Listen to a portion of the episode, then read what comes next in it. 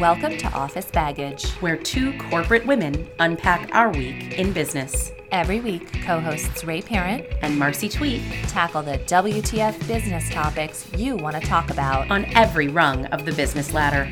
Bring your baggage. We'll unpack it. Hey, Ray. Hey, Marcy. Welcome back. So good to be back. How are you? I'm good. How are you? I am doing well. Um, I saw something great uh, on the internet the other day. Again, the internet is a thing. Um, but it's at the opposite of easy peasy lemon squeezy is stressed, depressed lemon zest. And that is now my everything. I've got a lot going on. I'm exhausted. I'm not depressed. I'm happy as can be, but it just cracked It's me a, up. it is a funny, a funny meme. I do like it. But you look incredibly well rested. I am. I'm, I'm going to go with the air quote must be nice because I know that's one of our pet peeves. It is. You we, were, we were talking about this recently. I feel like I have met a lot of new people and have, have become friends with a lot of new people on Facebook. Some extended family members, some whatever. And when people meet me and Charlie for the first time, especially if you spend like a year following us on social media, eventually you will be like, "Are you two ever home?" Because we do travel all the time. It's it's it, it, is my greatest passion in life. Um, to hop on a plane even for a few days to come visit you. Um, over Thanksgiving, Charlie and I went to Savannah, Georgia for a week and rented an Airbnb. And inevitably, when I come home from one of these jaunts, someone looks at me and says, Must be nice. must be nice. Must be nice. Which is just code for I know you might be my friend, at least in name, but I don't really want to talk about your happiness. Let's talk about me and my shit choices or how I'm completely unable to prioritize things. And it's so much easier to throw some shade at you with a must be nice than to examine my own choices. You just nailed it, man. You nailed it. It's no, it's one of those things. And uh, you know, when someone says, "How was your trip?" and they let you drone on, and then they say, "Must be nice."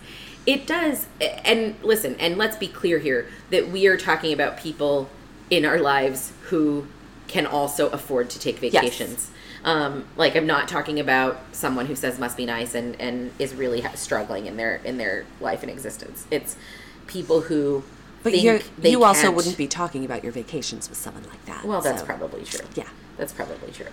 But it's the um, you know, it's the sense that we all make choices and we all prioritize things in our lives, right? And I can joke because you know I have vacations because I don't have children.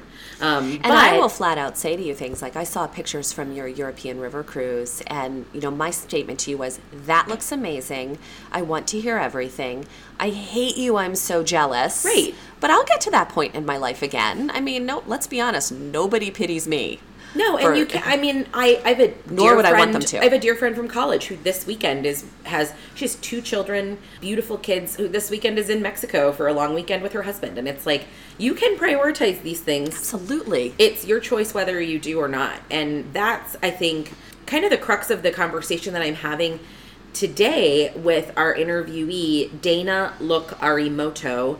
Dana wrote a book called Stop Settling, Settle Smart Rethinking Work Life Balance, Redesigning Your Busy Life. We were just talking about how much we love long book titles that are super explanatory. Thank you, Dana. Thank you. I appreciate knowing exactly what I'm getting into with your book when I look at it. And I get, I really appreciate that title because it's exceptionally well scaffolded, which I also like. Stop settling, settle smart. Yes. I'm in a rhythm right now with getting up at five o'clock in the morning, leaving for work by six o'clock, getting home by six o'clock p.m., the three hours I get to spend with my kids, the no time with, with or for myself or for my husband. But that is a decision that I took that I am good with. We are planning to come out of that a little bit. I in no way consider myself stuck in a rut. It is thoughtful, it is planful. It doesn't mean I don't have a little bit of envy when I see someone's vacation, but I am so happy with my choices and how I am managing, not balancing Right. Because I clearly am not prioritizing certain things. Well, it's interesting because I think it's I forget whose notion this is, but it, I'll bastardize it is that you can have it all, you just can't have it all at one time. Yes. And I love Randy Zuckerberg's book. So uh, Mark Zuckerberg's sister wrote a book. Okay, don't Google Zuckerberg on Amazon or search for Zuckerberg. It won't come up. Sorry, Randy, you're not there. You have to type in Randy. Um, her book is called Pick Three. You can have it all, just not every day. Another great book on work life balance. We're going to talk more about Dana's book, of course. But the way that Randy Zuckerberg talks about is work, sleep, fitness, family, friends.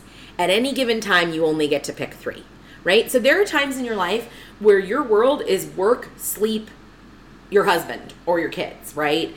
And there are other times in your life when your life is fitness, friends, work. You know, there are other times in your life, and it, and these things ebb and flow, and you can't do it all all the time. And then my trick on some of this is figuring out where you can combine those things, right? So if you're not getting any friend and you're not getting any fitness, can you like put some of that in and go to a boxing class with some of your buddies on a Thursday night or a Saturday morning or whatever that looks like? It's a really smart way to look at it, and I love that concept of pick three. There also needs to be a concept of there's a duration for any three that you pick. So I am very much now work, family, and then to a certain extent friends, but it's the friends of my kids. I'm very much prioritizing building new friendships for them here in Yeah. this new geography. There does have to be a point though where I take a checkpoint relative to that and realize I'm gapped on fitness, so I'm gapped on sleep, so I have to start doing things maybe a little bit differently. Right. Because at a certain point, you know, you lose your friendships that you have personally. I certainly have lost my fitness and sleep. Well, I mean, look at I'm Yeah. on my fifth or sixth year of caffeine under eye so those were. Randy Zuckerberg's group, but Dana, the woman we're talking to today, her five key life facets, I actually might like these more, are career, generations, circle, society, and vitality. I like the word vitality a whole lot more than I like the word fitness. So let's live in that world. Yes. How are we investing in our vitality? And sleep might be part of that. That's the interesting thing, I think, Randy Zuckerberg separ- separating sleep and fitness. Because I think vitality puts those two together, right? Of self care and are you really taking care of yourself to be as vital as you need to be in your life? Cynical me says that the we're we're packing more stuff into one category in the hopes that we can get more done. I will ask Dana that question. I think you need to ask Dana to that say. question because here's the thing that is what cynical me says. But vulnerable me says, please teach me that I'm wrong. Yeah. Because if there is a way to get at that, then I would love to learn it. Right. Well, and it's work life. I mean, Dana talks about in her book how work life balance is a myth, and I've always believed this is true. I prefer, and a lot of people prefer the term work life integration. And then there's a whole host of people who just say that the idea of, quote, work life is crazy because it's all life. It's all your fucking life, whether it's uh, the, your life at work or your life at home or your life in bed or whatever it might be it's all your life man. It's not not your work and your life. Let's put them together. So i like the idea of integrating them more than anything. And i think the best the people i know who have the best what i would consider like traditional work life balance do that integration walk really really well. Yeah. well looking forward to our conversation with dana. Hopefully you will as well. Would love to hear what you think about work life balance integration how you are settling smart in your world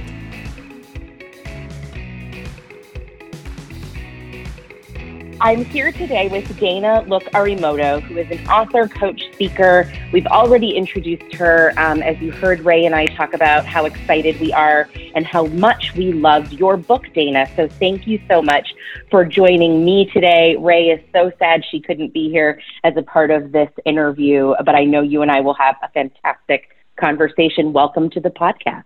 Thank you for having me. I'm glad you love the work. Yes, we both really loved your book, and it, it's funny as as we've been launching into season three. Ray and I did a lot more one-on-one stuff that our first couple of seasons, and a lot less interviews. We've been doing more interviews these days, and so um, I know she gets kind of a kick out of the ones that she doesn't get to join because she gets to hear them for the first time, often with our podcast listeners as well. And this was one where we both read the book, and we're both really excited to have you on.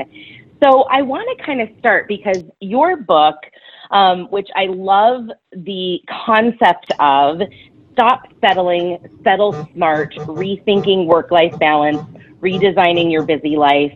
This topic of work life balance, I think for a lot of us, Dana, feels like this never ending pursuit. And a lot of our readers, myself included, have read about 100 books on different aspects of this topic, whether it be Randy Zuckerberg's Pick Three or Laura Vanderkam. I know how she does it. So I read your book. I know it's a little different than than a lot of the perspectives that some of these other work-life balance books have had. But tell our listeners about the settle smart approach. How do you take this topic in a new and different way than than maybe others have tackled work-life balance and integration in the past? Yes, that's such a great question. And I have such admiration for those particular women. I actually just spoke at the same event that Randy spoke at for Tech Up Women in New York. She's so inspirational. And I use Laura's 168 hours as a tool in my coaching practice. I did a lot of research when I was going to launch my own concept and then and therefore book and coaching practice, helping people make conscious and voluntary trade off choices. And I did not find any book out there like mine that was both practical, actionable, unbelievably authentic and vulnerable. I tell a lot of my own personal journey stories in there, as you and Ray know. Mm-hmm. And I also did a bunch of interesting interviews with other people in public domain who aren't always featured. You know, I didn't talk to the Sheryl Sandbergs uh, of the world, even though I spent 20 years in Silicon Valley. I talked to people that I really looked up to, both men and women, that maybe weren't as obvious in terms of how they live their lives and run and lead their companies in terms of the integration. So that was sort of the foundational piece. Great. And tell us about the approach that you take in the book. It's sort of a three step process, right? Yes. Yes, you have read the book. I have. We I prepare for these things, Dana. When I say I've read the book, I really have. I am loving this. So, the first step is to actually know what it is that you want in the five facets that we all share in life as humans. And so those are career, generations, which is your family, circle, which is friends, however you define those then we have society, which is community, giving back, might be church, etc. And we have vitality, your own self-care and health and wellness. And so it's really critical that people know what it is they want in each of those areas in terms of settling more or settling less. And that is the method in the first piece. Yeah. And talk a little bit about the word settle gets a lot of angst behind it, right? We never want to settle. We never want to be at a place where we're settling for less than we want or, or less than we can achieve. So, why did you choose to engage in that word and really kind of turn it on its end and make it a positive thing? Yeah, another amazing question. And there was angst around naming the book. You can't even imagine how many I'm rounds. Sure so, first and foremost, I wanted to shake it up and be provocative. So, clearly, I've done that. Second, I wanted to start and spark the conversation so that people would get more comfortable with settling not being a negative connotation since we've all been brought mm-hmm. up to feel like you're a loser or a slacker if you're if you're settling and that's not the origin of the word and in fact especially for high achieving people, and I would say even more so for women that wear multiple hats, if we aren't settling in one of those five key facet areas of our life, we're going to burn out. And we have so many good examples of people burning out. Yes. It's interesting because I, I was just talking to a friend. Um, Michelle Obama had kind of a famous quote when she was on her book tour a year ago where she said she was talking about her marriage to Barack Obama and she said if one year out of 10 I think this is what she said if one year out of 10 in your marriage isn't awful like you know you're doing something well if one or if if you got one year out of 10 that's absolutely terrible.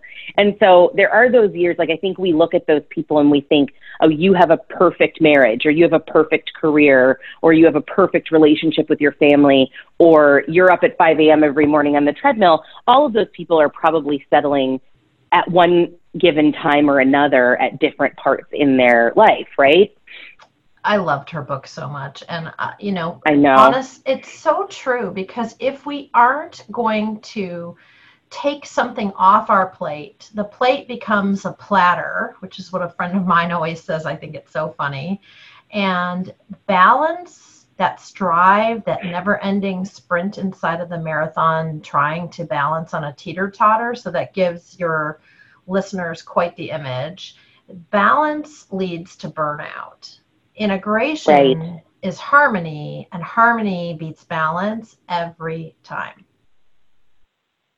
How do you advise your clients, Dana, on making those shifts and choosing when to settle in one area versus another? You know, I, I can speak for myself coming out of a, a sort of corporate job where I was sometimes 70, 80 hours a week and then you know, choosing to make a, a, a general shift to say, I need to focus on different things in my life, whether it be family or or my marriage or whatever that looks like. How do you get people through those transitions? What do you coach them to think about, do, say during those times? This is the heart of the second component, which is the mindset. And I call it yeah. a shift dynamic. So you have to actually make a mental shift. And most of my clients, and when I give talks, especially stand up keynote kind of talks, where the audience has men and women most times. Sometimes it's women, but a lot of times it's integrated and inclusive, which is very mm-hmm. cool. It's how we move the needle. Can't we all get along?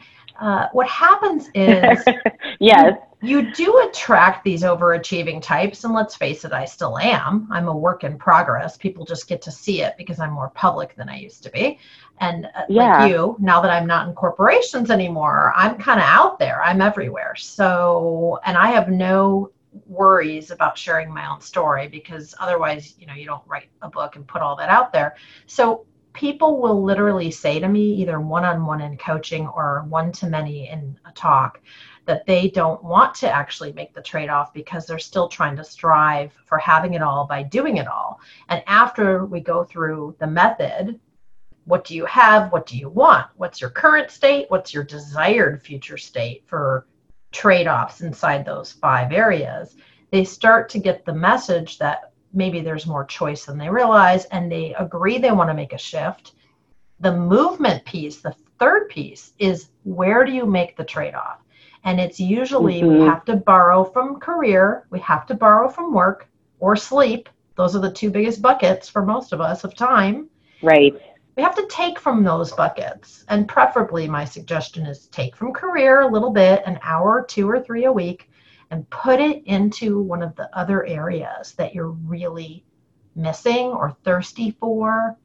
And people will make an incremental shift and then they'll double down and do it again and again. But we have to start small. It's interesting because a part of what you talk about in that shift of mindset is really understanding what you want. And I think the thing that was so powerful to me is is this sense of what do you want versus what's expected of you by others. So how do you tap into that? Because you know, good example. Let's hope my mother isn't listening to this podcast. No, I'm kidding. Um, I'm going home to North Dakota for uh, for a long period of time over the holiday season, and you know, I'm I'm glad to go home, and I'm I'm glad to spend that that week of time with my family. But I don't always get there, so I kind of feel the guilt, right? Of okay, I don't get to North Dakota enough. I don't see my parents. I don't see my nieces and nephews enough. So I've got to go really spend a good chunk of time over the holidays. And, you know, you can coach me or not on whether or not that's the right thing to do. But how do I and how do the, the people listening to our podcast, how do you tap into what's you that really wants it and, and what are, you know, guilt or shame or feeling like you have to in some of those choices? So you're smack in the middle now of the mindset work that I suggest yeah. and that I help people with. So since you put it out there, we'll start with you and I'll share a little bit of my own so we're together. Strength in numbers, Great. you know, Marcy. So, first and foremost, guilt is a big issue. And what I share with people is what I've learned and what I've applied for myself. I don't ask people to do things I'm not willing and able to do myself. As my children would say, I'm I'm finally practicing what I preach. You know, teenagers are very supportive. And so guilt is not an emotion. So maybe your listeners want to have um, a seat or lay on a couch or on the floor because guilt is not an emotion. And the Okay. reason we know this is there's no equal opposite. When you're sad, of course, you know what the opposite is. It's happy. Yep. If you're really scared of something, and then another time you're super confident, you might feel very courageous or bold. The opposite of guilt is more guilt. It's manufactured and manipulative. And many times it is done to us, but even more, we do it to ourselves. It's not even real. I was going to say more than ever though you do it by yourself. You know, you, it's done by you to you on behalf of a bunch of other people, right? Exactly. And then we bring that to work as if our boss won't allow us time off to go to our kids' soccer game. And we haven't even discussed it with them. And then we feel like we have to manufacture ways to guilt them into letting us off early when all you really need to do is walk in and say, listen, I'm a mom or dad. My kid plays soccer. In my book, I talk about a, an amazing woman who says to her kids, I'm not going to be at any practice, but I will be at every game within you know my ability she Yes. travels a lot she's on board she starts companies she's a heavy hitter and then every once in a while she shows up at a practice and it's like she's the queen for the day because they didn't expect it but there's no guilt with her Right. Because she set, it's some of that then around boundary setting and expectation setting. It is. And it starts with you and yourself deciding, which is why I've got this quick free mini quiz, what it is you really want while no one else is watching or telling you what you should do. The should is also as powerful as the guilt. Yes. That I feel like Ray and I have always say that we're shooting all over ourselves, right? You know, Yes. what should I do? What, where should I go? What job should I take? All of that kind of stuff. And I think it is so hard for you to, for any person to really tap into what do I want? What meets my values? What's important to me? Yes. And that's where the magic bucket of money and wand come together. So you have all this magic, all this endless money, and I take your ability to break through boundaries and expand your way of thinking. And then I ask you the same questions again. So, your current way of settling, more or less, no right or wrong, no good or bad.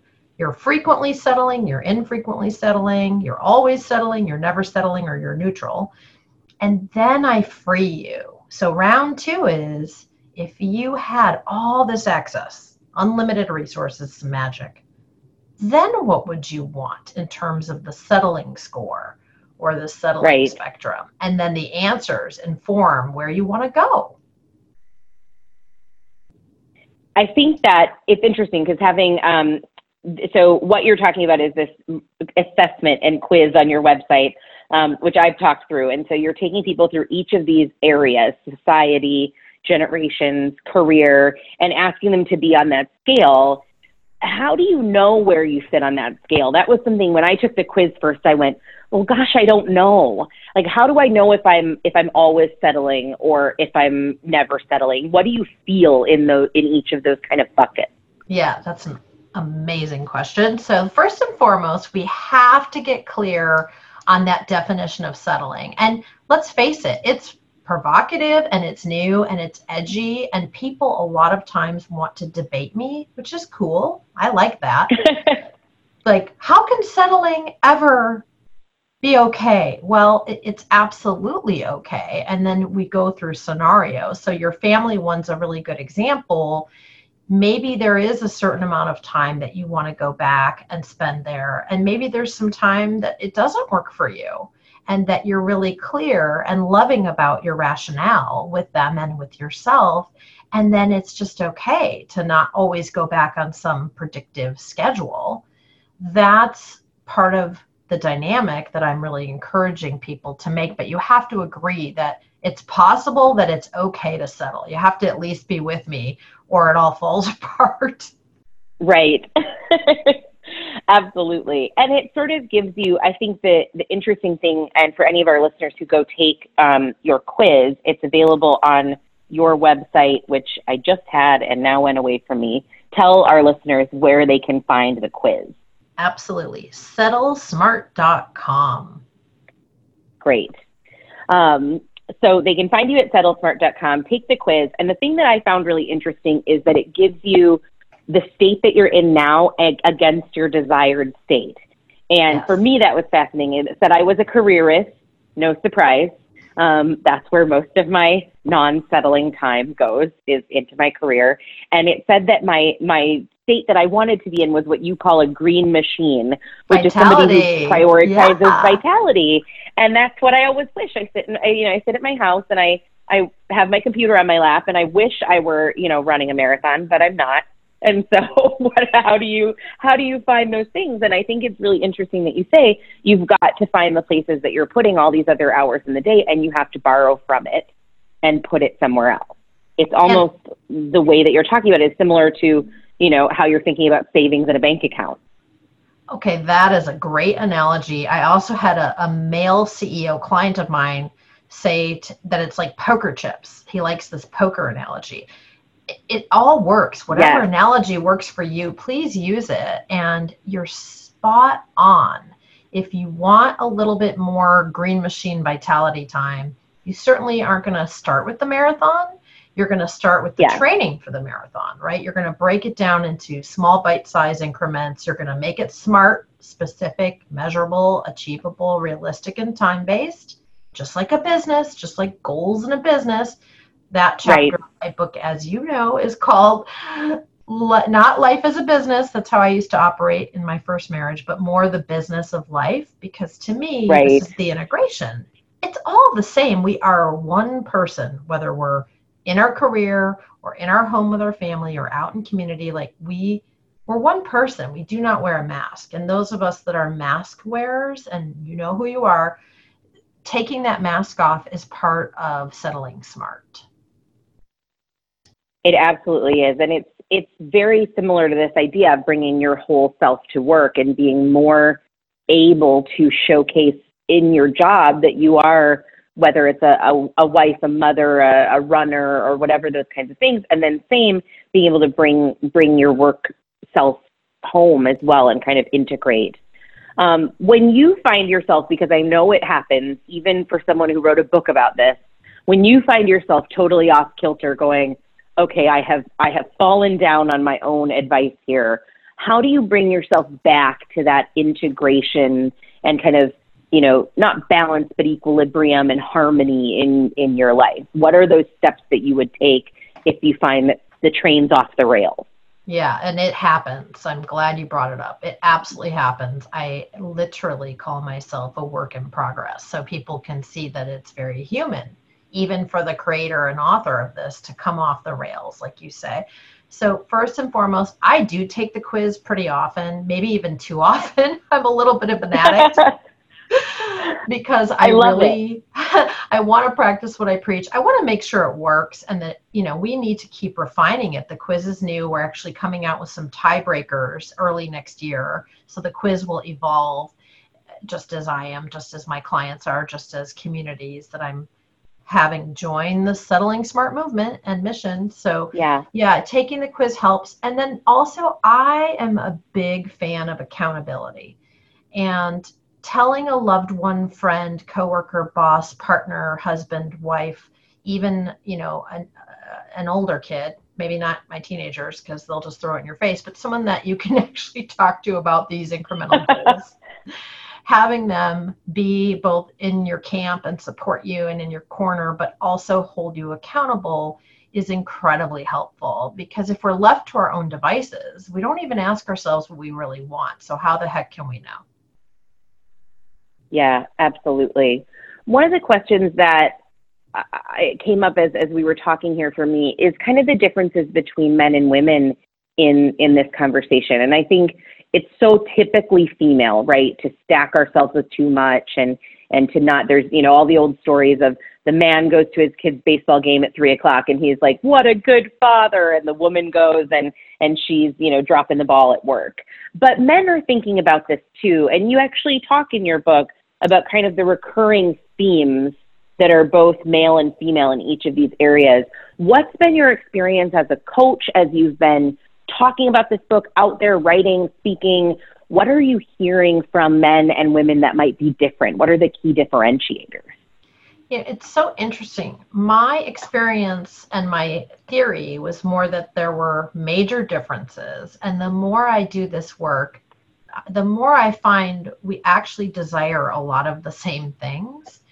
We just mm-hmm. have a different approach in getting there. And the guilt and the shoulds are different for men than they are for women. And that is, you know, historical, maybe even anthropological, if that's a word, back to hunting and gathering. I find this to be very true. There are certainly gender differences that continue to show themselves. But we have a lot of things in common in terms of the way we want to spend our time, versus the way we're programmed we're supposed to. For men, of course, there's still a lot um, as it relates to being providers. You know, work outside of the home is tied to their ID of themselves. You know, men yeah. who are laid off do worse than women who are laid off. Granted, no one enjoys being laid off. And many people that are careerists identify their almost entirety of ID inside that career. So if you're laid off, like I was at one point in my life, you can really mm-hmm. crash and burn. And that is more about being a careerist and less about being a man or a woman. But of course, we have to speak in, you know, the majority terms, which is the men are still really from a young age taught they need to provide and work outside of the home. Now, of course, what's great is that women more and more are brought up to realize there are many options and that they can have it all but that's also a trap because then they're told they have to do it all and all at one time. So here we go back in the wheel.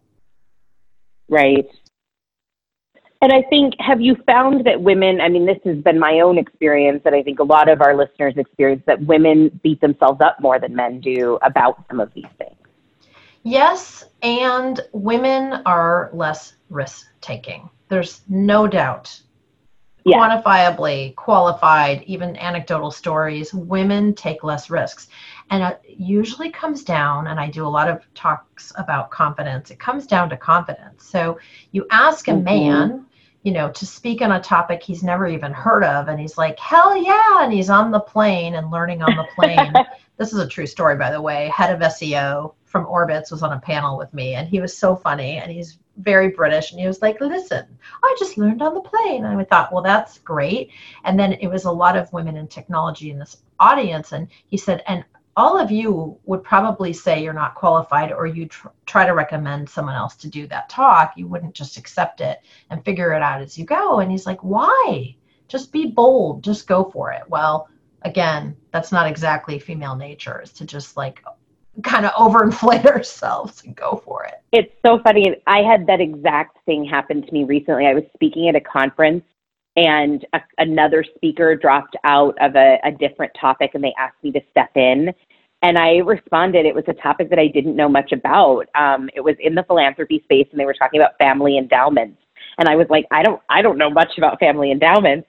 And so I wrote back and said, essentially said no. And then when I was at the conference, I took a look at who they put on the on the panel, and I actually ended up meeting that person, and they didn't have any idea, and they were like, "Oh yeah, I kind of crash course on the plane," where my instinct was to say, "Well, I don't know." And I did say to the guy, to the conference organizer, I said, "If you needed me to do it, I could do a crash course in it, but I really don't know much about it." And it was such an interesting moment where it's like you were there, you could have gotten in front of all these people, and instead you were like, oh no, I don't think that's my expertise. Men would do it. It's ironic. And it also has a lot to do with imposter syndrome, which, of course, yeah. you know, we can read about easily and everywhere, starting with the New York Times article that came out many, many years ago that featured people like Meryl Streep and Sheryl Sandberg we all have imposter syndrome. And this is one of the things I'm finding to be interesting. Men have it too. They're just a little bit more into the bravado and gravitas uh, and confidence. So they hide it Yeah. better. But underneath it all, they have it too. Absolutely. I think it's somewhere in there. It probably just doesn't come out all the time. Um, so I want to talk about, I kind of want to switch gears here because you have spent your, a lot of your career in the staffing industry and in this sort of place of getting, getting people jobs, getting people hired. Um, I'm always fascinated by, by this field and I know that, that you know a lot about it. Um, one of the things that Ray and I loved about you and about the book was the quiz um, because we're both big assessment junkies. So I have to ask you in the in the Mhm. staffing world, um, what are your favorite assessments? What's your best advice for people? You know, kind of give me your put your staffing hat on for me and and give our readers or listeners uh, some some ideas that you would recommend to colleagues if they want to, in addition to reading your book, dive deeper into that self awareness and self understanding um, that I think um, the staffing world does really well. If you don't have sponsors, I'm going to offend. I'm going to just straight talk here. Go for it. but we do not have sponsors that you will offend. Do it. okay. All right. So here we go. So I have a very specific answer. Strengths Finder by Gallup all day, every day, and I use it exclusively in my coaching practice with teams. Okay, my big fear, because they're not a sponsor, but I was like, if she pans Strengths Finder, what am I going to do with my life? It just went through my head. Um, because it's funny, I worked with a boss who was in the staffing industry a while ago who hates StrengthsFinder, and I just love Strength Finder. It's my, I, I it's will my whole- challenge him that he doesn't either understand it or maybe the way it was administered wasn't actually correct. Because listen whether it's myers-briggs or caliper or hogan I, i've used disc. I've used all of them. I, I mean i spent Yeah. years in training and development inside of staffing companies. So they're all easily gamed they're all very subjective that's my issue they're very squishy Mhm. and if you're having a crap day or you don't like the result, I mean, you can really move the needle around on these things. So that's my issue with them. Not that they're bad or wrong, they're just not great. The Mhm. reason I love StrengthsFinders is 30 million people worldwide is pretty statistically valid. And I'm a big nerd because I love data. So the statistic validity is helpful. What's more helpful is your top five strengths are your superpower. Your bottom five are your kryptonite. And most people, especially in staffing, want you to work on your weaknesses, which is a huge mistake. And that goes all the way back to the Jack Welch days at GE, where he was like top 10% and top grading. So I Right. love figuring out what people's top strengths and assets are and then hyper focusing them on using all of them most of my clients are not using all of their top five so they're always fascinated with my analysis Yeah. I love StrengthsFinder. Do you know your top five off the top of your head? Uh, are you kidding is this a quiz Of course you do. is Tell me your top quiz? five, and I'll tell. Yes, tell me your top Okay. five. I'll tell you mine. Okay, relator, connectedness, belief, input, arranger. So I've got the relationship area well covered. I've got one in strategic thinking and one in executing, or two in executing, sorry. I don't have any in influencing, which is pretty funny for someone marketing a book.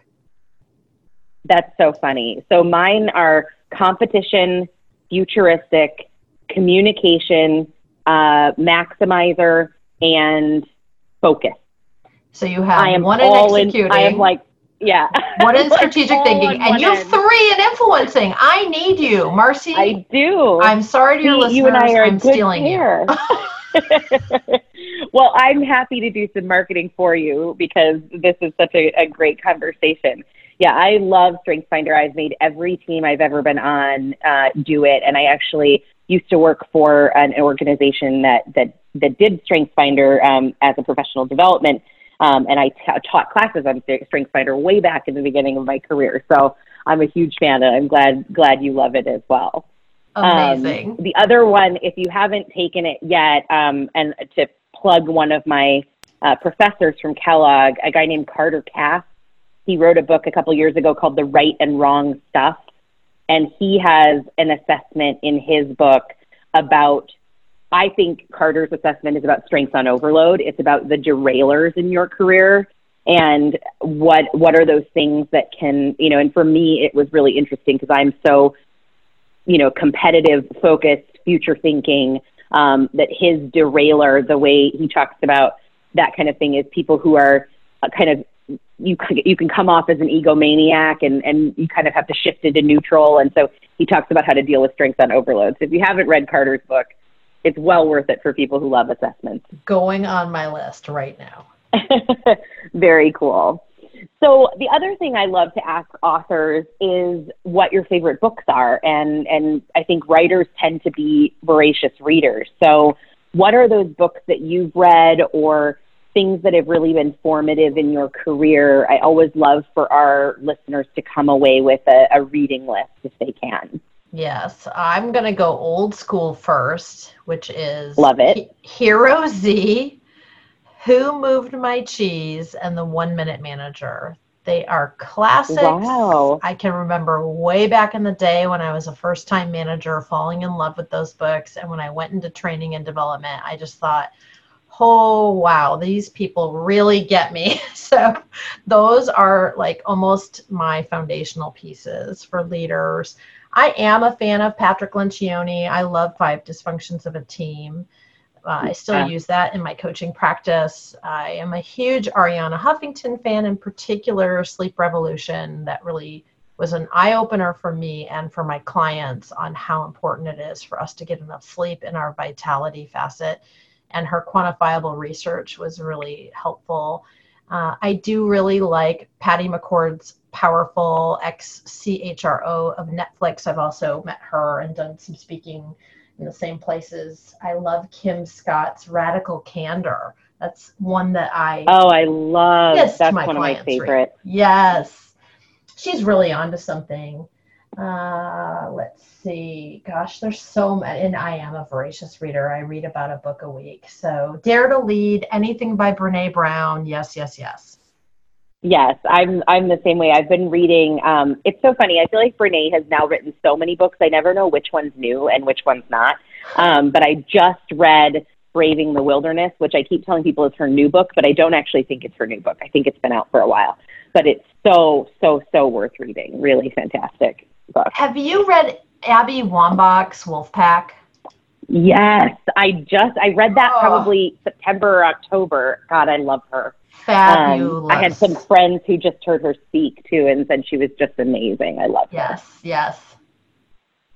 Yes, great. Well, let's kind of wrap up. Um, I want people to kind of get a sense of, of your career and kind of where you're going next. I mean, you've been on this book tour, Dana. You, you're promoting what you're doing with Settle Smart. How do you think about when you've gone through something like this, that's this big success? How do you think about the next phase? Yeah, so that's really challenging. And again, in coaching, we like to say we teach what we most need to learn. And boy, is that true for me. So I am currently taking my own strategic advice and working on my horizon plan. And in the book, I call that 60 30 10. And so, Yeah. you know, what are my daily activities? What are my next around the corner, which you could help me with with your strengths because you're better at that than I am.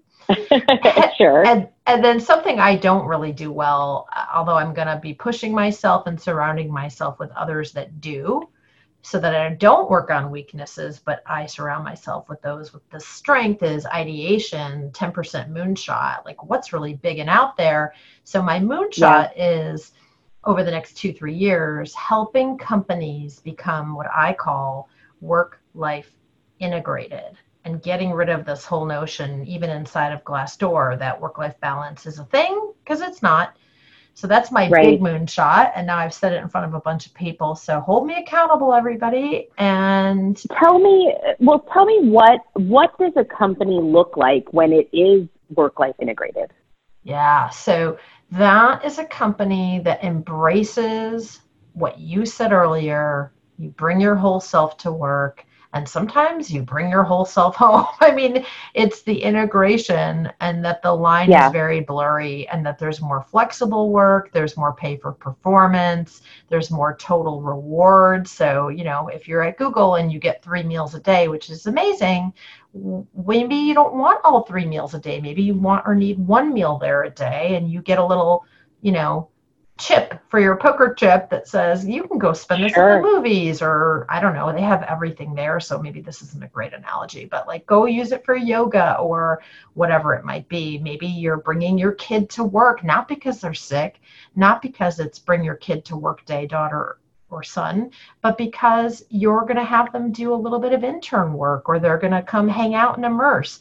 So it's the companies that actually embrace the total reward system that I'm most interested in working with first on this certification. Oh, I love that. I love that idea of the total reward system and how do you how do you incentivize employees in a way that is meeting them where they are and what they need. I I love that. So many uh, so many times you see those companies that look on the surface like they they are that company. Um, I actually I interviewed with a company a couple of years ago that boasts on every everything it puts out there about how work life integrated is, how how you know they have unlimited vacation and meals free and all the things that you would would expect.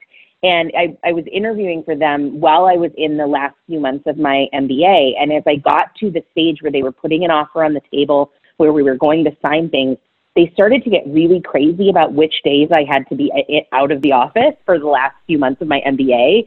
And I thought, you guys really don't walk your talk on any of this stuff. And it was one of those things that was kind of a canary in the coal mine for the company for me, and I didn't end up taking the job. Um, but so many companies, it's in name only, and they're not actually really doing it, right? It reminds me so much of diversity, equity, and inclusion, which, you know, is mm-hmm. a lovely sentiment, but if it isn't real, which many times it's not, you don't want to work there. So, really helping people determine what is a great cultural fit for them and what is not is big in the settling smart world. Don't go work somewhere that doesn't acknowledge and embrace what you want for yourself on your settling spectrum. If you're a smart settler, you need to work in a smart settling organization, and that match is so critical. Right. What are you willing to settle for in in a new job, and what are you willing to settle for in a company? What's really important to you? Yes, and do they align, which you figured out they didn't, and it's a good thing, or you would have, you know, had some buyer's remorse. Yes. I've also been in that position. So, you know, I've been in both places, but hopefully good to figure it out before you sign on the dotted line. Yes. Well, Dana, this has been so fun. It's been wonderful to have you on. Um, I will link to your book and your website and the quiz in our show notes. And I know that our listeners will get so much out of your book and out of your experience being shared today. So thank you so much for joining me.